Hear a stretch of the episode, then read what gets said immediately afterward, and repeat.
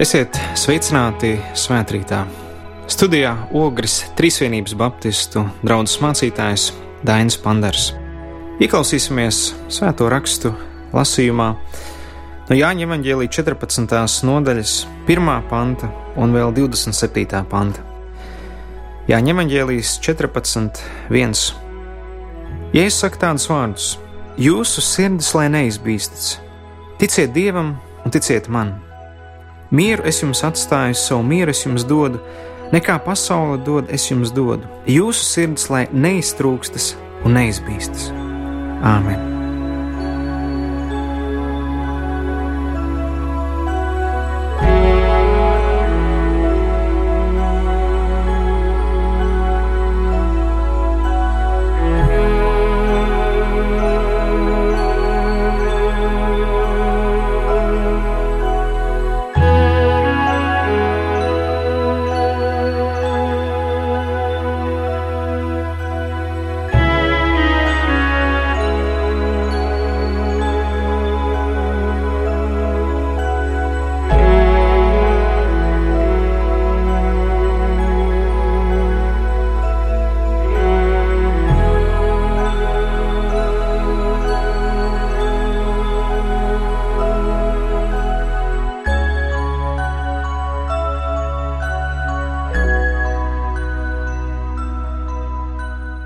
Mēs dzīvojam laikā, kurā apkārt ir liela trauksme.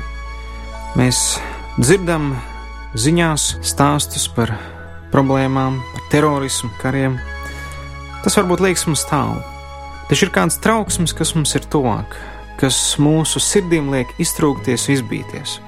Mēs dzirdam par varbūt kādiem likumiem, kas mūsu valstī tiek pieņemti, varbūt mainās kāda sistēma, Varbūt darba vietā mums paziņo, ka drīz ēd prom no darba. Varbūt mums rodās trauksme katru reizi, kad nākam mājās, un tur nav neviena, kas varētu tā ar mieru un mīlestību mūs sagaidīt. Trauksme varbūt rodās kādiem, kas mācās un domā, kur tālāk studēt. Trauksme varbūt arī, kad aizējam pie ārsta un uzzinām, ka mūsu veselība ir uz gandrīz nāves sliekšņa. Jēzus arī zināja, ka mums pasaulē būs bēdas, trauksme, bet ko darīt? Ko mums darīt šajā laikmetā, kurā trauksme ir visapkārt? Viņš saka, jūsu sirds lai neizbīstas, ticiet Dievam un ticiet man. Tāds vienkāršs padoms. Nebīsties, tici Dievam un tici man. Mēs katrs nākam no dažādām ģimenēm. Mēs esam liela daļa auguši padomu laikā, kur saka, ticiet valdībai, ticiet varām, ticiet darba devējiem, Ticiet avīzei pravda, ja patiesība, kur no patiesības maz kas bija. Kam tu tici šodien? No tā ir atkarīgs tavs miers. Es nāku no ģimenes, kurā man eh, varbūt daudz nestāstīja par Dievu, bet eh, bija kāda vecā mamma, kas pieminēja Dievu, kas runāja, ka ir Dievs un ka pie viņa var nest visas mēdus. Varbūt tu nāc arī no ģimenes, kurā tev nekad nav stāstīts par to, bet varbūt tev ir bijuši vecāki, kur vienmēr bijuši miera pilni. Un kad tev bijis bērnībā kāda vajadzība, kāda trauksme, tu esi varbūt nokritis kaut kur un tev vajadzīgs mierinājums, ko tu darīji? Ja tev bija labi vecāki, tu varēji viņiem iet un izstāstīt. Man sāp, man ir grūtības, es to salauzu, tas man notika, to es sabojāju. Un, ja viņiem bija labi vecāki, viņi varēja te uzklausīt, pieņemt, un viņi tev saprata, viņa paši bija bijuši bērni. Un līdzīgi mēs varam arī veidot attiecības ar Dievu. Jēzus mācīja mums, ka mēs varam lūgt mūsu Tēvs debesīs. Mēs dzīvojam tādā laikmetā, kurā tēvi bieži vien nemāk dot bērniem mieru, kā tikai brāzienu, pārmetums. Ir izpētīts apmēram, ka mūsdienās joprojām 60% eh, ģimeņu eh, notiek šāda fiziska sodīšana, caur pēršanu. Iespējams, tas ir vēl lielāk, jo neiemāca bērnam iedot mieru. Vai tu zini, kur atrast mieru?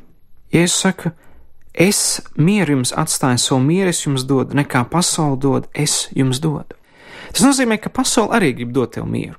Jā, ir laiks, kurā es meklēju mieru. Man bija nemieris iekšējs, iekšēji trauksme. Es nezināju, kur es strādāšu, kur es būšu, ar ko es aprecēšos. Varbūt tavā vecumā tu domā, kā es iegūšu naudu, man ir kredīts, kā es to atdošu. Varbūt tu dzīvo laikā, kad tu jau esi pensijā, un tu domā, vai kāds man pieskatīs, vai kāds man apciemos, un tev arī šī trauksme. Un es atceros, ka bija kāds laiks, kurā es Dievam teicu, Dievs, ja tu esi palīdz man, atbild uz man lūgšanu. Un es satiku kādus ticīgus cilvēkus, un sāku, principā, viņu dēļ aiziet līdz uz baznīcu. Un es redzēju, ka šiem cilvēkiem ir miers, kura man nav. Un es nesaprotu, kāpēc viņiem ir, bet man nav. Un viņi sāk stāstīt, bet mūsu dzīvē ir Jēzus, mūsu dzīvē ir Dieva dēls, kas spēj dot mieru.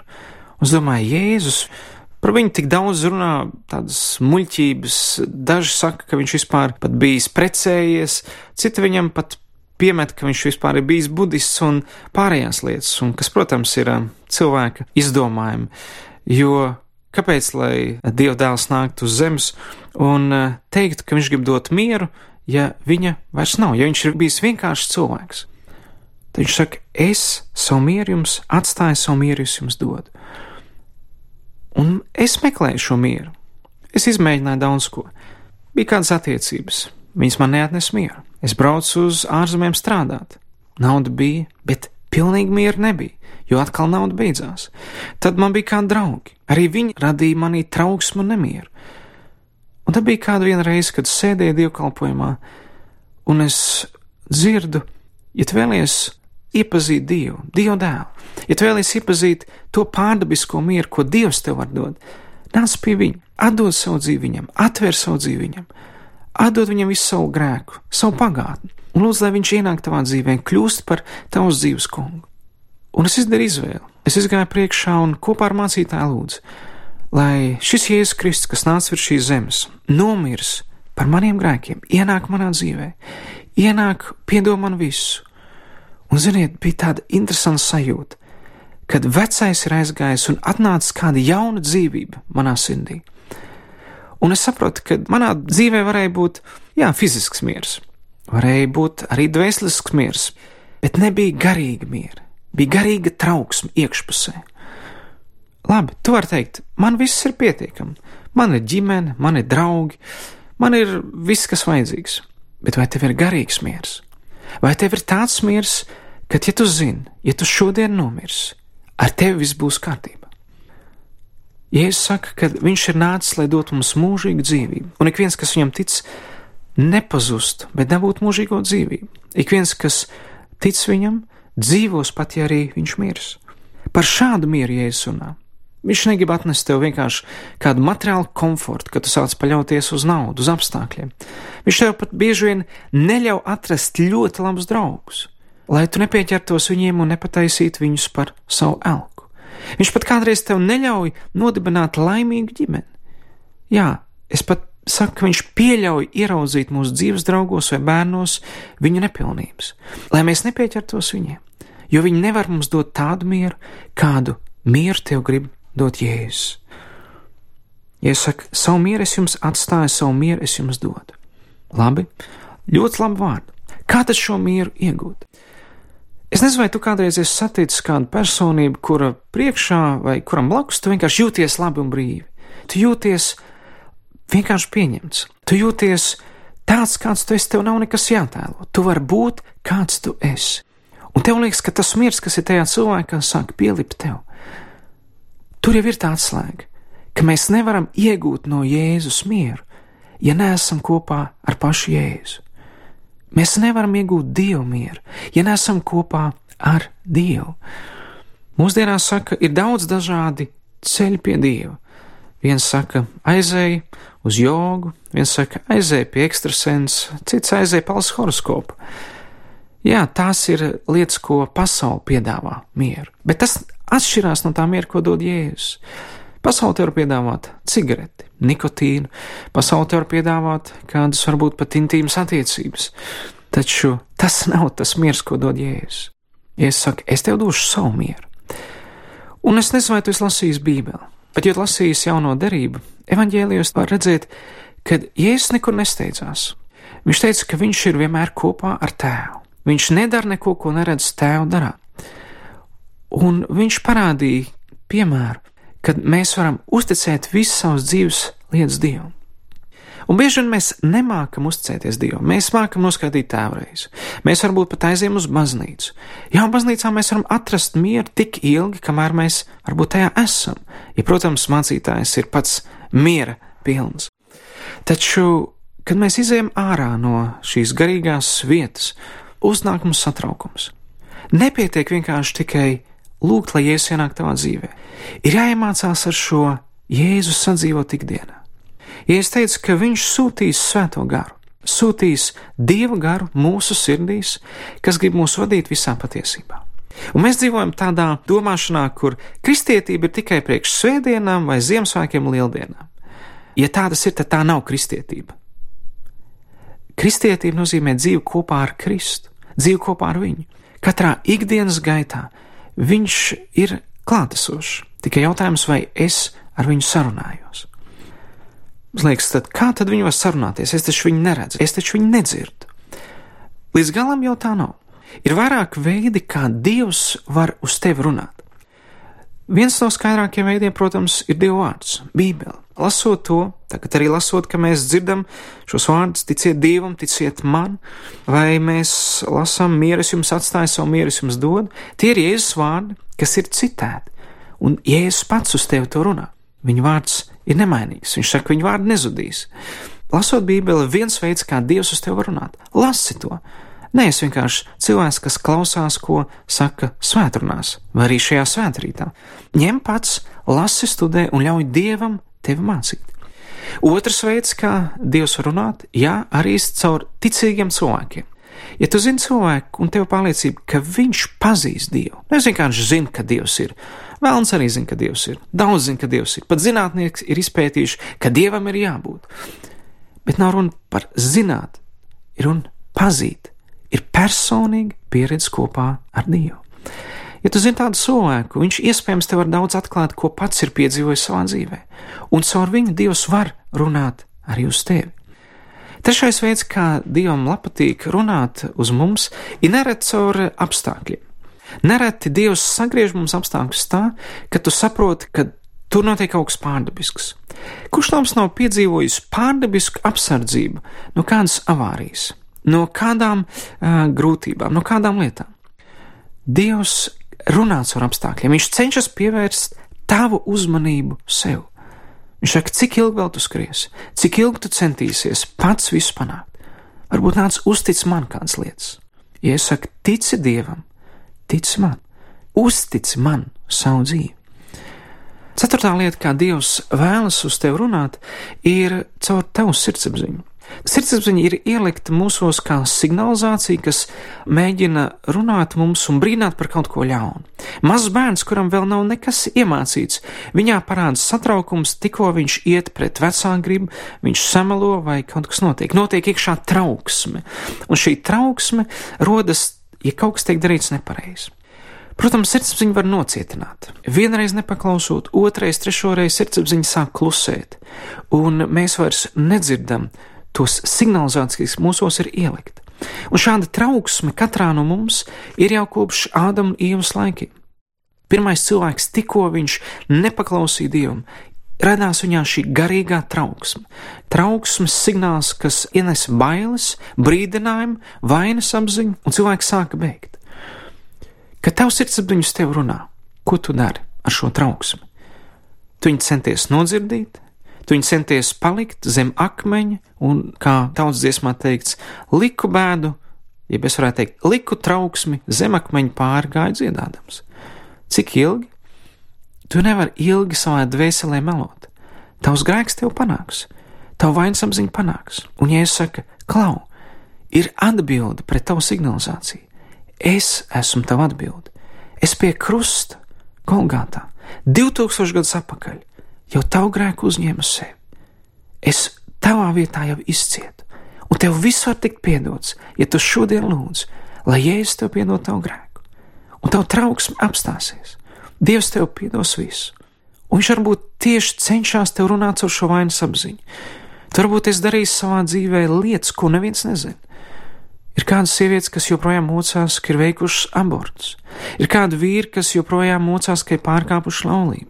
Ir kādi vecāki, kas joprojām mocās, ka nav devušiem bērniem to labāko.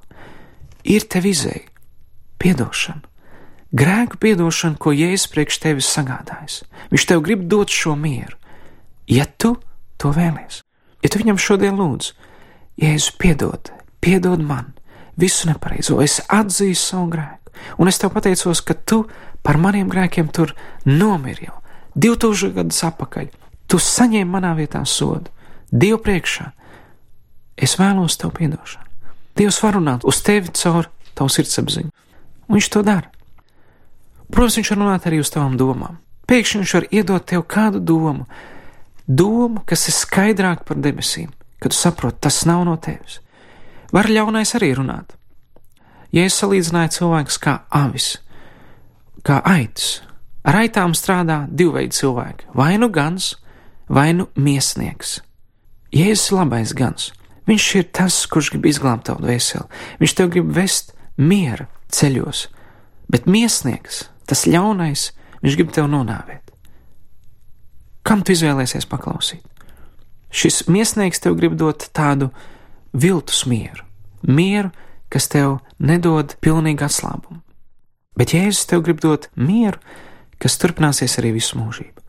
Ja tu šodien esi šeit un klausies pie savu radioaparātu, un tu vēlies uzticēt savu nemieru trauksmi Dievam, tur kopā ar mani lūgt. Tur kopā ar mani lūgt šādu vienkāršu lūgšanu. Tur aizvērt savus acis un kopā ar mani atkārtot šos lūgšanas vārdus. Lūksim Dievu. Es varu nest Dievs. Es atzīstu, ka manā dzīvē ir trauksme. Manā dzīvē ir daudz grēku. Man ir liela vainas apziņa, un tā man nomok. Bet tu man gribi dot savu mieru. Tāpēc, Jēzus, nāk šodien pie tevis, un es tev lūdzu, piedod visus manus grēkus, piedod visas manas vainas, un ienāc manā dzīvēm ar savu pārdabisko mieru. Vadi man dzīvi tālāk. Es tev pateicos, Jēzu, ka tavā vārdā mani grēki ir piedoti. Vadi man dzīvi tālāk, un esi mans kungs un mans glābējs. Un dod man spēku, sekot tev un tev meklēt. To es tev lūdzu Jēzus Kristus vārdā. Un, ja tu esi lūdzis, Dievs tevi ir uzklausījis, bet Viņš vēlas, lai tu turpini veidot attiecības ar viņu, lai tu turpini ikdienā uzticēt viņam savus nastas. Un tas šis Dieva miers, kas ir augstāks par tavu saprāšanu, pasargās tavu sirdi un tavas domas, un kopā ar Dievu tur iet pāri visām lietām.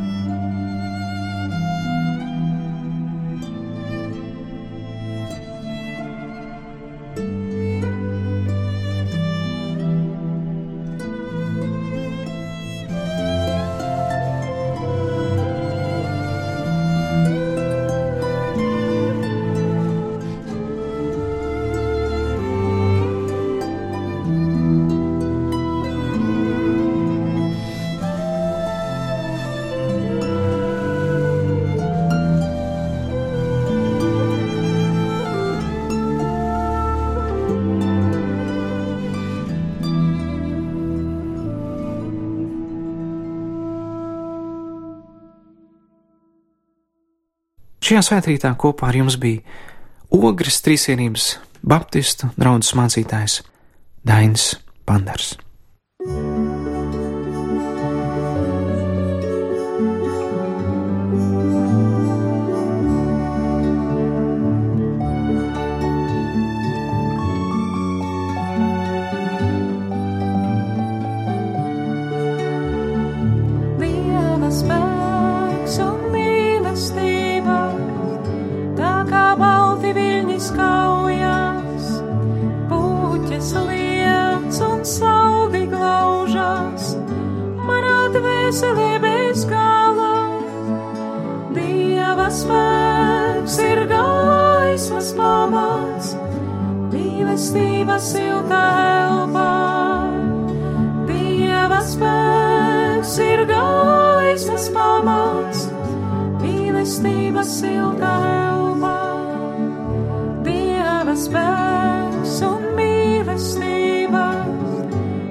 Pāri plešas manām domām, visas sāpes sadedzinot, sadedzinot dimantu liesmās.